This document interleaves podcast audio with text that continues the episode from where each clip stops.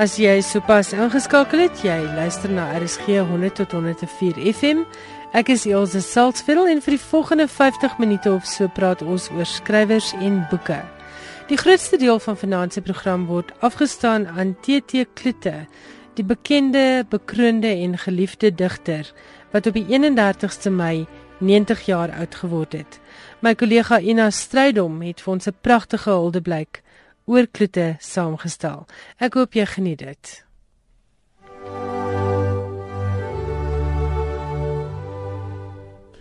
God die digter. Daar is meer poësie in die sneeuvlokkie as in die letterkunde.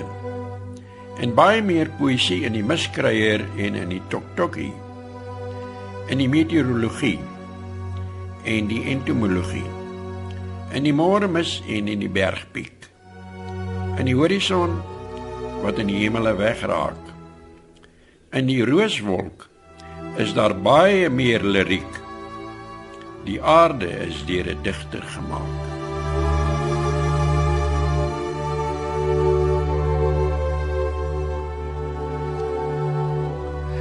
Martinus Theodorus Kloete is op 31 Mei 1924 op Vredefort in die Vrystaat gebore. Ek het enkele dae voor sy 90ste verjaarsdag by sy huis in Potchefstroom met hom gepraat oor sy lewe en sy werk, oor ouderdom en genade. Ek is gebore op die koepel, die Vredefort koepel. Ehm um, net net 3 jaar voor uh die Hollandse uh, geoloog Moorcroft ehm uh, die wêreld daarvan bewus gemaak het dat dat daar 'n meteoriet geval het. En my pa was 'n boer, maar hy was 'n baie goed beleese boer. En hy het ons daarvan bewus gemaak dat ons woon soos hy dit genoem het naby die engele op die koepel. Die koepel het nou eintlik 'n krater geword vandag. Maar goed, dit was 'n koepel en jy kan as jy in 'n eh, in 'n chopper of 'n helikopter daaroor heen ry, dan kan jy baie mooi sien wat, hoe lê die koepel.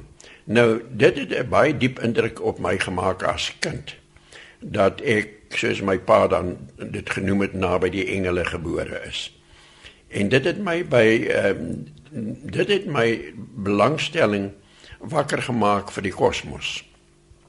Ek stel vandag nog baie belang in die kosmologie en ek sou graag 'n kosmoloog wou geword het.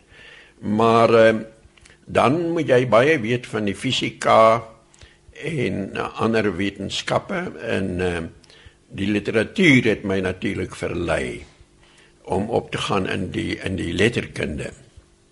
Maar ek het op Vredefort skool gegaan, klein skooltjie, maar dit was 'n goeie skooltjie. Daardie klein uh, plattelandse skooltjies het wonderlike dinge gedoen omdat ons was klein klasse in 'n klein skool met baie deeglike onderwys. Ek onthou vandag nog my onderwysers almal van uh, uh juffrou Fourie af vir graad 1 totdat ek naderhand uh, uh in uh in in die ou taal gesproke met standaard 8 toe uh by my suster gaan tuis gegaan het in Kruisdorp en by Monument Hoërskool beland het wat wat ook 'n deeglike skool was wat 'n ingrypende rol in my lewe gespeel het. Nou daar is ek nou gebore op 'n plaas en ek is baie dankbaar vandag dat ek op 'n plaas groot geword het. Nou ek was daar tot by standaard 8 op skool en in die ou taal uh standaard 9 en 10 was ek dan op uh monument uh, hoërskool. Maar my kinderlewe was 'n gelukkige lewe gewees op die plaas. Ons het teen aan die dorp gewoon. Tussen ons plaas en die dorp was net die uh swart woonbuurt. Dis ons het sommer skool toe geloop. En daarna is u tikkies toe. Ja, ek het uh uh matriek toe nou geslaag op monument hoërskool en toe het ek uh, takkies toe gegaan as eerstejaars student en ek wou teologie studeer maar ek het vir my pa gesê ek wil 'n teoloog word maar ek wil nie 'n predikant word nie. En my pa het vir my gesê maar ek is mal. Hoe kan jy uh 7 jaar gaan studeer in 'n vak en en en dan net sommer net uh die die wysheid wil hê of die kennis en so uh, en en en jy wil nie predikant word nie. Wat wat gaan jy doen om brood op jou tafel te kry? Het my pa gesê spottenderwys het ek vir hom gesê uh nee ek sal trou met 'n vrou op dit werk wat sal sorg vir die brood. Nou goed toe het ek gegaan. Ek ek stel vandag nog baie belang in die teologie En ek het al 'n paar predikante daar vasgevra ook. Byvoorbeeld nie lank gelede nie het ek 'n dominee gevra of hy weet uh, wat watter rol speel die hand as metafoor in die Bybel. En uh, hy kon my nie antwoord nie en toe het ek vir hom gesê hy moet gaan gaan kyk in die Bybel. In die Ou Testament steek God sy hand voortdurend uit na die mens. Maar uh deur die bemiddeling van Christus het daar 'n omwerking gekom en in die Nuwe Testament steek die mens weer sy hand uit na God. Maar goed, ek is vandag nog uh, uh, uh, het ek 'n baie groot belangstelling vir die teologie en ek het toe nou gegaan en ek is vandag baie bly dat ek gegaan het met hierdie idee van ek word 'n teoloog want ek soos ek soos Einstein voel ek ek wil weet hoe God dink. Dit dit dit is wat waarom dit vir my gaan. Dit gaan nie vir my om die bediening van die van van van van die Bybel nie. Uh maar en ek wil vandag nog weet hoe dink God. Goed, dus ek Pretoria toe. Uh as die as eerste jaar student het ek by die ou tale geneem Grieks, Latyn, Hebreëus. En uh aan die einde van my eerste studiejaar het ek toe nou polio gekry. En dit het my 2 jaar uh uh bed toe gevat. Die eerste van nou ja, jy kan dit nou nie uh, presies afmeet nie, maar min of meer die hele eerste jaar het ek gelê. Ek kon nie ek kon nie loop nie. Ek kon glad nie loop nie. Daai jaar lank het uh, my mense my rond gedra. En in die tweede jaar het ek toe in 'n kliniek beland en uh, geleer loop. Ehm uh, maar in die 2 jaar was ek dan nou uh, maar 'n pasiënt. En toe het ek opgegaan in die letterkunde wat ek altyd wou doen. Maar het ek opgegaan in die moderne letterkunde. Uh wat maar my eerste keuse was van jongs af. Uh nou ek het altyd geloop en dink ek het nou die ou tale ge, geneem en en en wat word nou daarvan? Wat maak ek nou met hierdie Grieks en hierdie Hebreëus? maar ek kan dit vandag nog gebruik. Maar die merkwaardige is dat ek dit in 1943 het ek Hebreëus geloop in, in 1990 toe vra hulle my om psalms om te dig. Toe het ek die Hebreëus en ek het om daar uh, om 'n rekenaartaal te praat gegoogel en uh, ek het hom weer gepoleer en uh, ek het hom baie gou weer opgetel sodat ek en prof Harry van Rooi prof Harry van Rooi uh hier van Potchefstroom was die uh die die hooffiguur uh om vir ons te sê wat staan daar in die oorspronklike teks. Ons het nie gewerk met vertalings nie. Ons het daarna gekyk. Maar prof Harry en ek het gewerk met die oerteks. En ek kon toe my Hebreëus gebruik. Hoe wonderbaarlik dat jy in 1943 'n vak studeer wat jy in 1990 nodig kry. Dis merkbaar. Maar goed, dan toe die in die polio het nou die res van my lewe 'n rol gespeel. Dit het my uh die wêreld laat ontdek uit stoele, uit uh uitskopstoele en uh werkkamerstoele. 'n Gebonde lewe wat my die wêreld laat ontdek het. Maar dit het my dit het my weghou van verkeerde paaie. Ek het nie agter 'n bal aangehardloop nie, nie meer nie. Ek kon. Ek was 'n goeie atleet en ek was 'n goeie rugby speler. Maar dit het my toe nou weghou van verkeerde weë.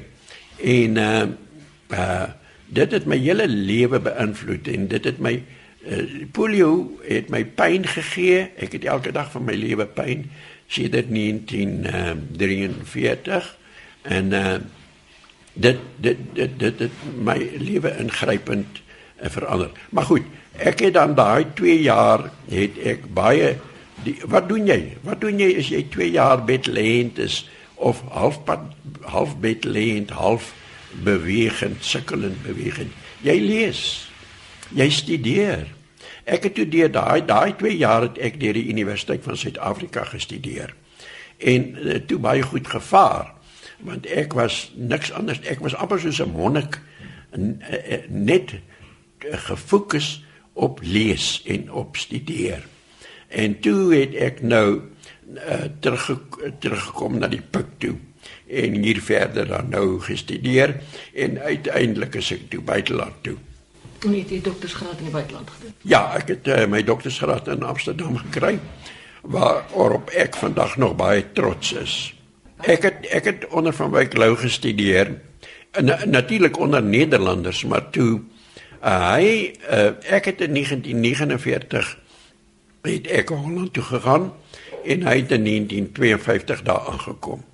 En toe dink nou gedink, goed, hier sit ek by 'n geniale man en hy praat my taal en ek het onder hom uh, gestudeer en gepromoveer en ek was ook sy eerste promovendus. En dit was vir my 'n weelde om met daardie man kennis te maak. Uh 'n paar jaar lank intiem kennis te maak. Dikwels in sy studeerkamer te kom en partykeer het ek na hom toe gegaan uh waar ons my proefskrif moet bespreek. Maar wat ons nooit gedoen het nie, ons het oor ander goed gesels. Hy het 'n enorme invloed op my lewe gehad. In watter in watter sin? U belangstelling in die letterkunde? Ja, sy ja, nie net die belangstelling in die letterkunde nie. Ek sal die aande nooit vergeet wat ek in sy studeerkamer gesit het en ons het gesels oor uh God, oor die teologie, oor die wysbegeerte, oor die wetenskappe, oor die letterkunde. Hy het my belangstelling geprikkel in talle opsigte. Uh hy, hy dit is aardig dat ek belang gestel het in die dinge uh, wat hy ook belangstelling vir gehad. Natuurlik was sy belangstelling veel groter as myne. Sy weld uh, was veel groter as myne. Maar goed, dit was een van die voorregte baie baie groot voorregte in my lewe en invloede. En toe kom jy terug nou na u dokterstudie in in Amsterdam en toe kom jy Potchefstroom gaan jy toe UPE toe? Nee, ek het Potchefstroom toe gekom. Uh om verskillende redes. Toe ek uh nou in die bed gelê het, het ek nou uh, met met die baie lees het ek toe ontdek hier in Potch sit 'n uh, 'n uh, uh, baie uh, ja, wil ek amper sê uitsoek uh akademiese koor. Uh pragtige geleerde mense soos Gerrit Dekker. Eintlik het prof Gerrit Dekker my uh Potch toe gebring. Maar professor Stoker, die wysgeer L.J. de Plessis wat uh uh ekonom was en 'n regsgeleerde en 'n letterkundige, een van die veelsidigste mense. Hier was uh baie uh uh beroemde uh, uh bekende mense wat my potch toe gelok het. En ek het eintlik agter professor Dekker uitgekom wat destyds die ikoon was van die Afrikaanse uh, uh letterkundige wêreld. En ek was hier doodgelukkig. Ek was doodgelukkig, maar toe stig hulle die Universiteit van Port Elizabeth in 1964 En toe het die, die daardie eerste rektor my omgepraat om daar uh, om om om so toe te gaan. Maar toe professor Bingel wat rektor was my ingeroep en my gesê man, Plutie jy maak 'n groot fout. Maar gaan. Maar die dag as jy ongelukkig is, kom terug. Dis ek het gegaan op die voorwaarde dat ek terugkom. Ek was 5 jaar daar en ek het die universiteit help stig. Maar my heimwee na Potchefstroom was onverwoesbaar. En ek het na 5 jaar gedink ek het er genoeg van. En toe ek teruggekom Potchefstroom toe en toe ek geblom.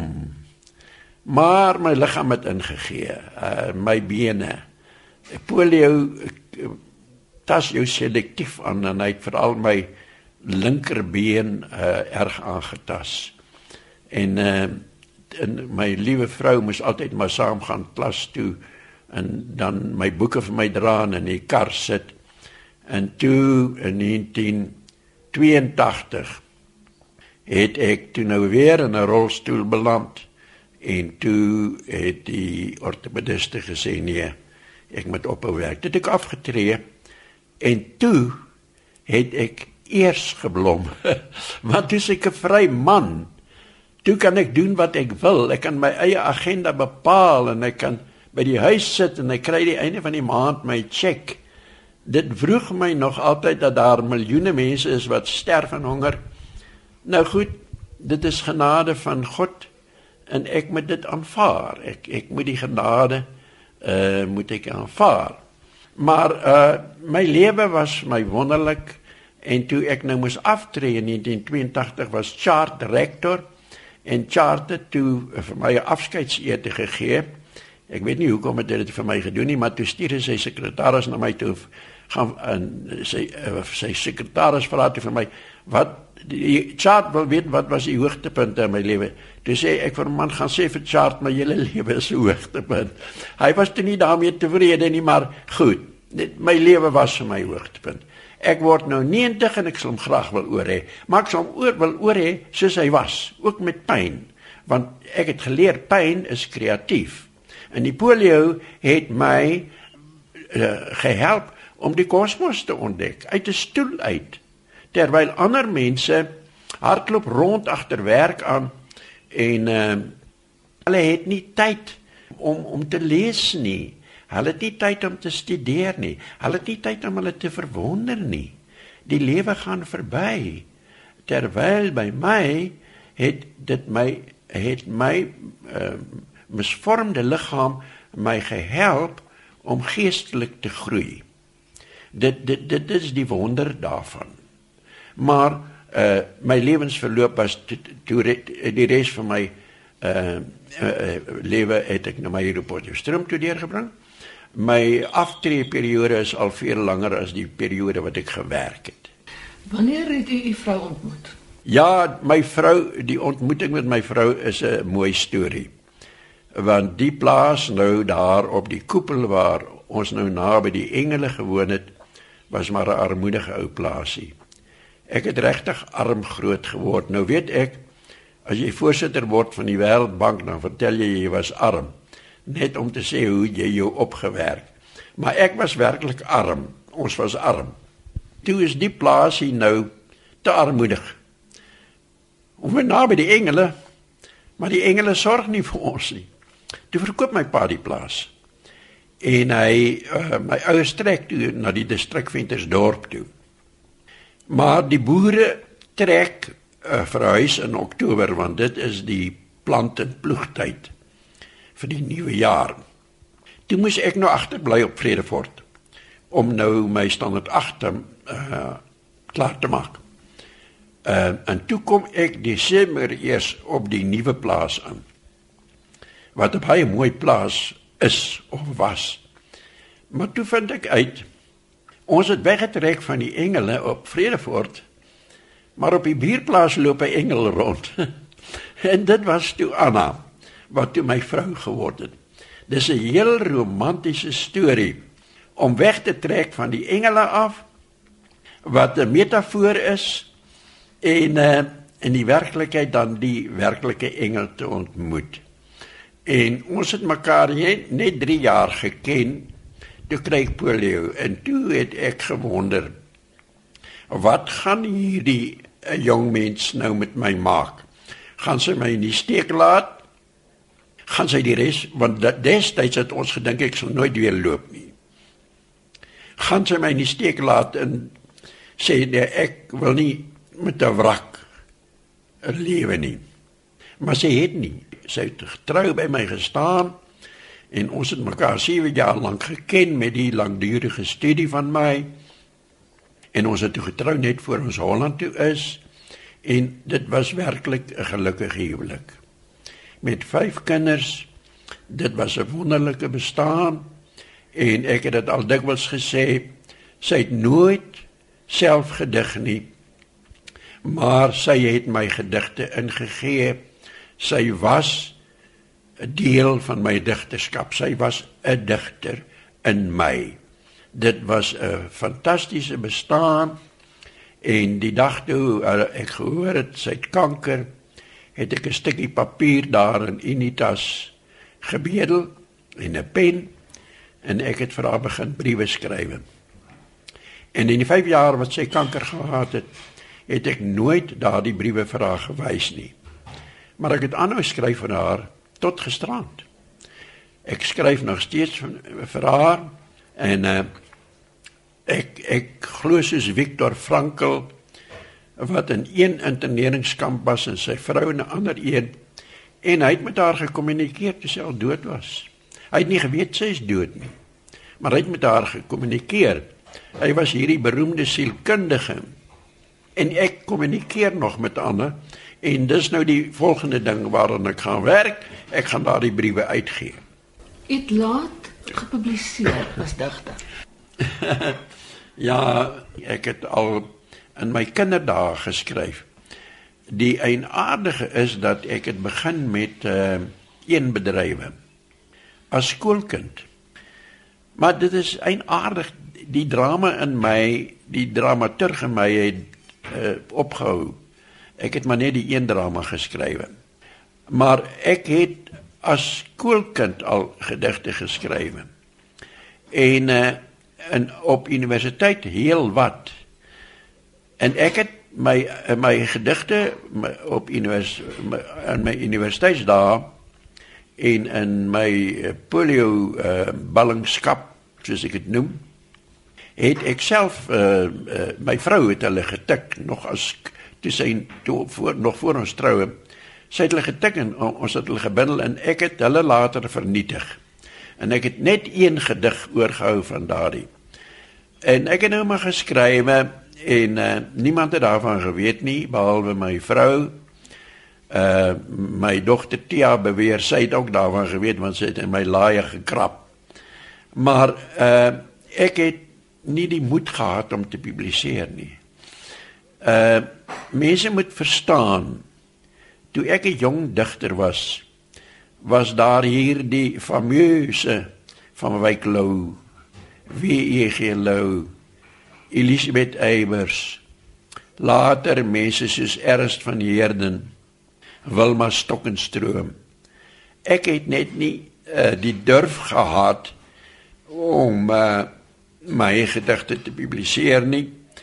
Uh om nou die woord te gebruik in 'n positiewe sin, al het my geïntimideer. Ek het uh gedink nou wat het ek te sê? Maar my vrou het gesê ek het iets te sê. My vrou het die geloof in my gehad en sy het voortdurend vir my gesê alles is nie gesê nie jy het iets om te sê en en en sy het my altyd ondersteun en en toe was daar 'n periode uh in in die 80er jare wat ek baie baie siek was weer. En toe kry ek trombose en by die dood omgedraai en toe het my vrou gesê sy wil nie met 'n papierboedel sit nie. Ek moet uh die gedigte publiseer ek het iets te sê sy sy het 'n onwrikbare geloof gehad in my. En en toe het uh, uh, ons 'n rit onderneem. Uh, hier van van Potchef Chichikamatu met uh uh weggooi sakke, uh, swart sakke.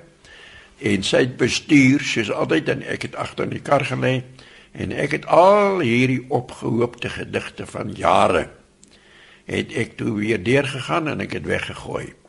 Ons het die eerste aand geslaap op Bloemfontein, daar het ons 'n klomp weggegooi. En toe die tweede aand het ons geslaap op Kraddock, daar het ons gedigte weggegooi. En toe het ons op Oubostrand uitgekom en daar het ek toe nou in die strandhuis wat ons destyds besit het, die laaste is weggegooi. En wat toe oorgebly het, het ek in Angelira gepubliseer. Nou vandag as ek aan die een kant spyt dat ek weggegooi het. Aan die ander kant dink ek dit is 'n goeie ding. Dit was 'n sif. Die dreigende dood was 'n sif En uh wat toe oorgebly het, is in Angelira.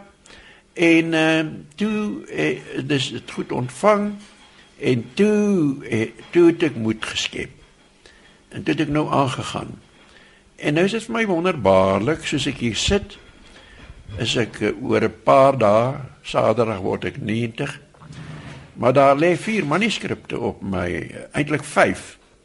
Daar lê 5 manuskripte op my rekenaar. Daar lê twee digbundels. Een gaan oor die liefde wat ek soos Dante met hoofletters skrywe. Die ander een gaan oor ons huidige uh omstandighede in hierdie land. Ehm uh, daar's baie dinge wat my pla. Die derde ene is eh, 'n uh, roman wat my vrou gesê het, "Ag, jy het al so baie oor die roman gepraat dat ek al moeg is. Sy's al moeg om daarvan te hoor." Maar hy lê daar, ek moet hom nog klaarmaak. En die vierde ene is die briewe wat ek nou gaan aanwerk.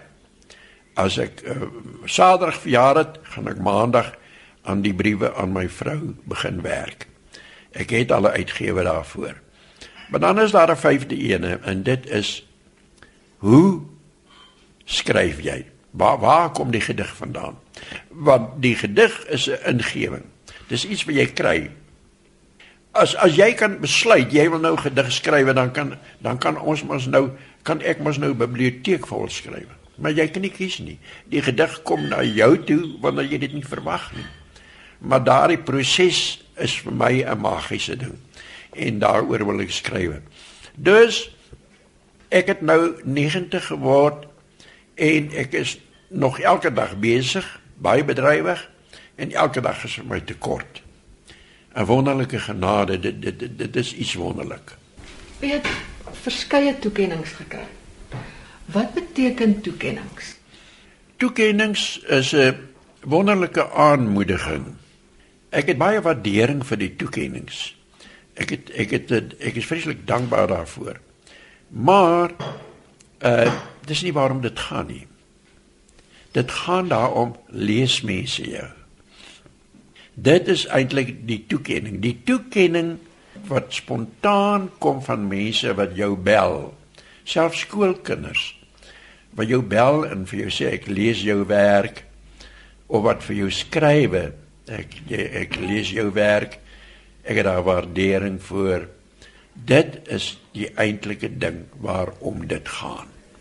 U word Saterdag 90. Wat beteken ouderdom vir u? Ouderdom is 'n juweel. Dit is die wonderlikste ding. Mense moenie bang wees vir die ouderdom nie. Dit is dit is verskriklik kosbaar om 90 te word. Bygesê as jy versorg is as jy 'n huis het om te woon en as jy genoeg het om te eet en te drink. Nou beroep ek my altyd daarop dat Moses uh, Psalm 90 is nie 'n psalm van Dawid nie. Psalm 90 is die gebed van Moses. En die gebed van Moses is eintlik die biografie van elkeen van ons, van jou en van my en van elke mens dan stel hy die grens op 80. Maar die Romeinse skrywer Cicero of wat ons gewoond is om te sê Cicero. Cicero het toe hy 80 geword het, het hy sy klein biografie, autobiografie geskryf. Pragtige boekie. Elkeen van elke mens behoort daai klein autobiografie van Cicero te skryf toe hy 80 geword het. En toe sê hy daar hierdie pragtige ding. As jy 80 word, word jy 'n begeerlike mens. Want niemand onder 80 weet of hulle dit gaan haal nie. Is dit nie 'n wonderlike waarheid nie? As jy 80 word, word jy 'n begeerlike mens. Maar ek is nou al 10 jaar verby. Dis ek sê tergenderwys, ek is nou super begeerlik. Dis super. Dis super begeerlik. Maar die groot probleem is met mense. Hulle staan op, gaan badkamer toe, stort, trek hulle aan, ontbyt, ry weg in hulle duur motor, werk soos 'n slaaf, kom terug vanaand, lees die koerant, eet, kyk TV, gaan slaap, môre dieselfde. Jare lank, jare lank. Dan tree hulle af en dan weet hulle nie om wat om met hulle self aan te vang nie. Dan gaan hulle dood. Nou nou eendag het ek 'n ding gehoor oor die radio waar ek myself 10 uit 10 gegee het. Hulle sê toe daar jy moet as jy aftree moet jy vir jou 'n nuwe werk kry. Maar 'n onbetaalde een en daar's altyd werk vir jou. Kry vir jou 'n nuwe werk. Dis die tweede ding. Uh, die eerste ding. Die tweede ding is oefen gereeld. Ehm uh, ek gaan twee keer per week gaan ek gimnasium toe van die Pik Biokinetika. En die derde ding is ryk uit. En dit doen ek. Ek het my toe 10 uit 10 gegee vir nie. Want ek eh, het ek, ek werk nog elke dag tot baie keer middernag. Uh uh waarvoor ek niks verdien nie. Die tantjie wat ek kry, kan jy maar toffies voorkoop. En die tweede ding is oefen gereeld wat ek doen en nie ander ding is ryk uit en ek ryk uit na my vrou se dood na mense wat kanker het. Dis om nou 90 te word is super super begeerlik. Bygesê die genade wat jy kry. Dat jy gesond is, dat jy nog 'n kar kan bestuur hier in die dorp, dat jy nog kan loop al is dit met krikke, dat jy genoeg het om te eet, dat jy gesond is. Dis super. Mense moet nie bang wees vir die ouderdom nie. Hulle moet ook nie bang wees vir die dood nie. Nou, om 90 te wees is om uh, genadebrood te eet. Dit is 'n wonder dit is deel van die werk van God die digter. Daar's drie gees wat help. Die een is uh gesondheid. Waar jy moet oppas. Toe ek polio gehad het, gekry het ek gesê ek moet oppas wat ek voorhou, wat ek gedoen het. Uh gesondheid. Die tweede een is gene. Uh my ek kom uit 'n familie met goeie gene. Die derde een is genade met hoofletter gespel en hy sluk die ander twee gees in. Uiteindelik gaan dit om daardie een groot hoofletter G. As jy 90 word. Dis vir my die wonderlikste geskenk wat ek Saterdag gaan belewe. Dis genade, dis genade, dis wonderlik. Maar dis die dryfkrag agter alles. En dan wat ek noem hormiese drang. Lewensdrang. Maar lewensdrang hang saam met nuuskierigheid. Dis nie verniet dat ek die bindel heilige nuuskierigheid genoem het nie. Na aanleiding van uh uh Einstein se heilige Neugier. Maar nuuskierigheid, nuuskierigheid. Uh nuuskierigheid is 'n is is 'n kinderlike trek. Kinders is nuuskierig. Daarom vat hulle alles in uh breek dit ook baie keer. Maar ek het, as ek dan iets van 'n kind in my oor gehou het, dan is dit nuuskierigheid. Ek is 'n 90-jarige nuuskierige. Dit was die gevierde digter en akademikus, professor TT Kloete, wat kort voor sy 90ste verjaarsdag met my Ina Strydom gesels het.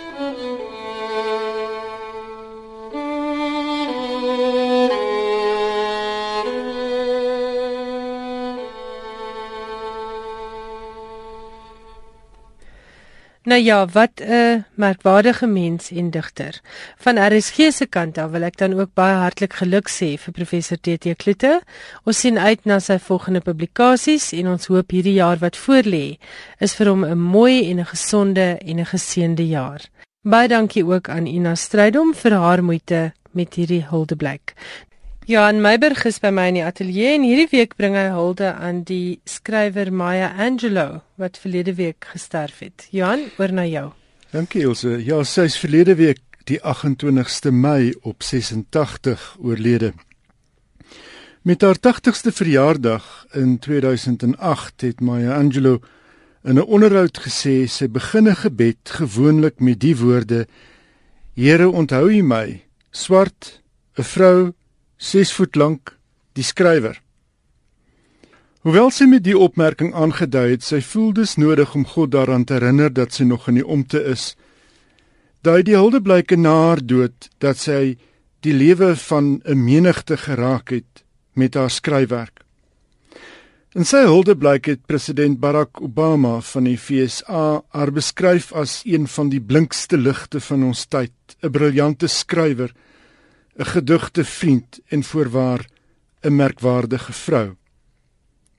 Op haar amptelike webwerf het haar familie haar dood aangekondig en hulle dank betuig dat sy tot op die einde helder was. Hulle het haar onthou as 'n onderwyser, aktivis, kunstenaar en 'n mens wat stryder was vir gelykheid, verdraagsaamheid en vrede. Op die lys kan 'n mens heelwat voortborduur want Angelo was 'n kleurryke karakter. Sy was ook digter, dramaturg, aktrise, rolprentmaker en vervaardiger. Sy was daarby op 14 ook San Francisco se eerste vroue tramkondukteur. En as jong enkelouer was sy kelnerin en kok. Maya Angelou is gebore as Marguerite Annie Johnson. Die Maya Angelou kom van 'n bynaam wat haar broer haar kleintyd genoem het, Maya Sister. Die Angelo kom van die van van haar eerste man Anastasios Angelopoulos met wie sy in 1951 getroud is. Sy het onder Martha Gray moderne dans onder die knie gekry. Sy het saam met Elvin Ailey in 'n vermaakprogram of wat op TV opgetree en in 1957 haar eerste album Miss Calypso opgeneem. Sy het in 1958 aangesluit by die Harlem Writers Guild en gespeel in die off-Broadway produksie van Jean Genet se The Blacks. In 1960 het sy haar in Kaïro gevestig waar sy vir die Arab Observer gewerk het. Dis in Egipte waar sy Nelson Mandela in 1962 ontmoet het toe hy op pad was na Londen. Daarna sy na Accra in Ghana waar sy onder meer vir die Ghanaian Times gewerk het 'n klas gegee het in musiek aan die universiteit se musiekskool. Sy is terug na die FSA waar sy haar vriendskap met die skrywer James Baldwin verstewig het. Baldwin wat sy as my broer beskryf het en die skrywer van onder meer Giovanni's Room wat haar aangemoedig het om haar ervarings op te skryf. Dis teen die laat 1960s dat sy in alle erns begin skryf het. In 1969 het I Know Why the Caged Bird Sings verskyn die eerste van wat later sewe autobiografieë sou word. Die boek het Angelo oornag bekend gemaak en staan steeds uit as 'n hoogtepunt in haar skryfwerk.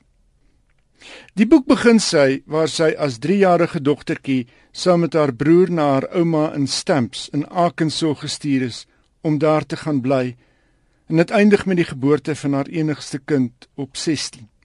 Wat sy regkry met die literêre werk daar is al daarna verwys as autobiografiese fiksie is om haarself te transformeer van 'n slagoffer van rasisme en as iemand met 'n minderwaardigheidskompleks na 'n selfversekerde jonk vrou wat vooroordeel vierkantig in die oë kan kyk.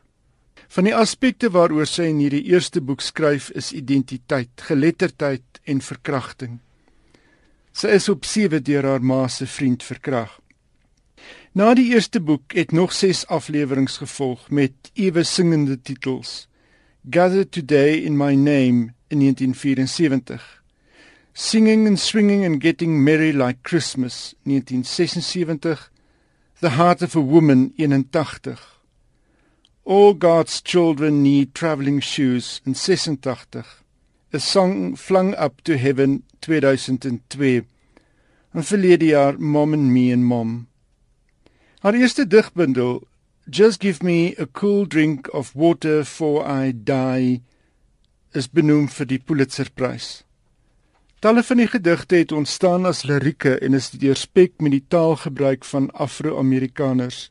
Sy skryf in die eerste deel van die bundel oor die liefde en in die tweede oor die oorlewing van Afro-Amerikaners in 'n gemeenskap wat oorheers word deur wit mense. Haar gedigte het nie dieselfde impak gehad as haar autobiografie nie en daar is kritici wat meen dat haar gedigte net treffend was as sy dit self voorgeles het. Nietemin laat sy 'n omvangryke skat na essays, gedigte, dramatekste vir die verhoog vir televisie en rolprente. Haar Georgia Georgia 1972 was die eerste oorspronklike rolprentteks deur 'n swart vrou en sy was ewenigs die eerste swart vrou in die regisseurstoel van 'n groot rolprent Down in the Delta in 1998. Sy het meer as 30 boeke die lig laat sien en vir 3 wat voorgeles is 'n Grammy gekry. Sedert 1990 het Angelo wyd en suid lesings aangebied, iets waarmee sy voortgegaan het tot diep in haar 80's. Hoewel sy nooit amptelik studeer het nie, het sy verkies om buite haar familie en vriendekring as Dr Angelo aangespreek te word. Sy was professor in Amerikaanse studies aan die Wake Forest Universiteit in Noord Carolina. En wêreldwyd is sy met meer as 50 eregrade vereer, talle daarvan ere doktorsgrade. As Obama haar 'n merkwaardige vrou genoem het, is dit dalk juis tipeerend van die besielende vrou. In 2004 het Angelo in een van haar lesings gesê: As ek sou glo in reïnkarnasie, sou dit beteken dat ek in my vorige lewe iets goeds moes gedoen het, want hier is ek, 'n vrou, swart en Amerikaans. Ja, en ek sien jy het 'n gedig van haar saamgebring. Sal jy dit asseblief vir ons voorlees? Uit Oh pray my wings are gonna fit me well van 1975 uitgegee deur Random House. Lees ek Alone. Lying thinking last night how to find my soul a home where water is not thirsty and bread loaf is not stone. I came up with one thing and I don't believe I'm wrong that nobody, but nobody, can make it out here alone. Alone, all alone, nobody, but nobody, can make it out here alone.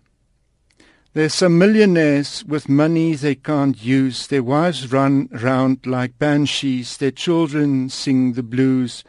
They've got expensive doctors to cure their hearts of stone, but nobody, no, nobody can make it out here alone.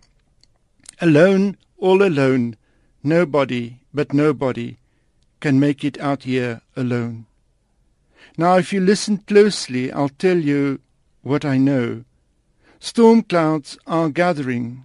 The wind is gonna blow. The race of man is suffering. And I can hear them moan, 'cause nobody, but nobody, can make it out here alone. Alone, all alone, nobody, but nobody can make it out here alone. Baie dankie Johan. Inderdaad 'n merkwaardige vrou. Ek weet nie of of jy dit in jou navorsing ook raak gelees het nie, maar sy was op 'n stadium gedwing om om den brode as 'n prostituut te werk. Dis waar. Om vir haar en haar kind te sorg. En dit was so wonderlik dat sy haar lewe omgedraai het en 'n absolute inspirasie vir miljoene geword het. Ek dink dit was die ander ding geweest, die lesings wat sy met ter tyd aangebied het, akademies wel van 'n aard, maar dit was juist daai besielende deel van Maya Angelou se se lesings wat baie mense net aangevuur het. En as jy gaan kyk op die web byvoorbeeld, is daar van haar segginge wat met ter tyd so bekend geword het. My Angelo het het dit gesê. 'n Regte ikoon. Ja. Wat uit ongelooflike armoede 'n lewe vir haarself gekap ja. het. En swaar kry. Nou ja, so het nog 'n groote gegroet. Baie dankie aan Johan Meiburg vir sy huldeblyk aan die skrywer Maya Angelou wat verlede week in Amerika oorlede is.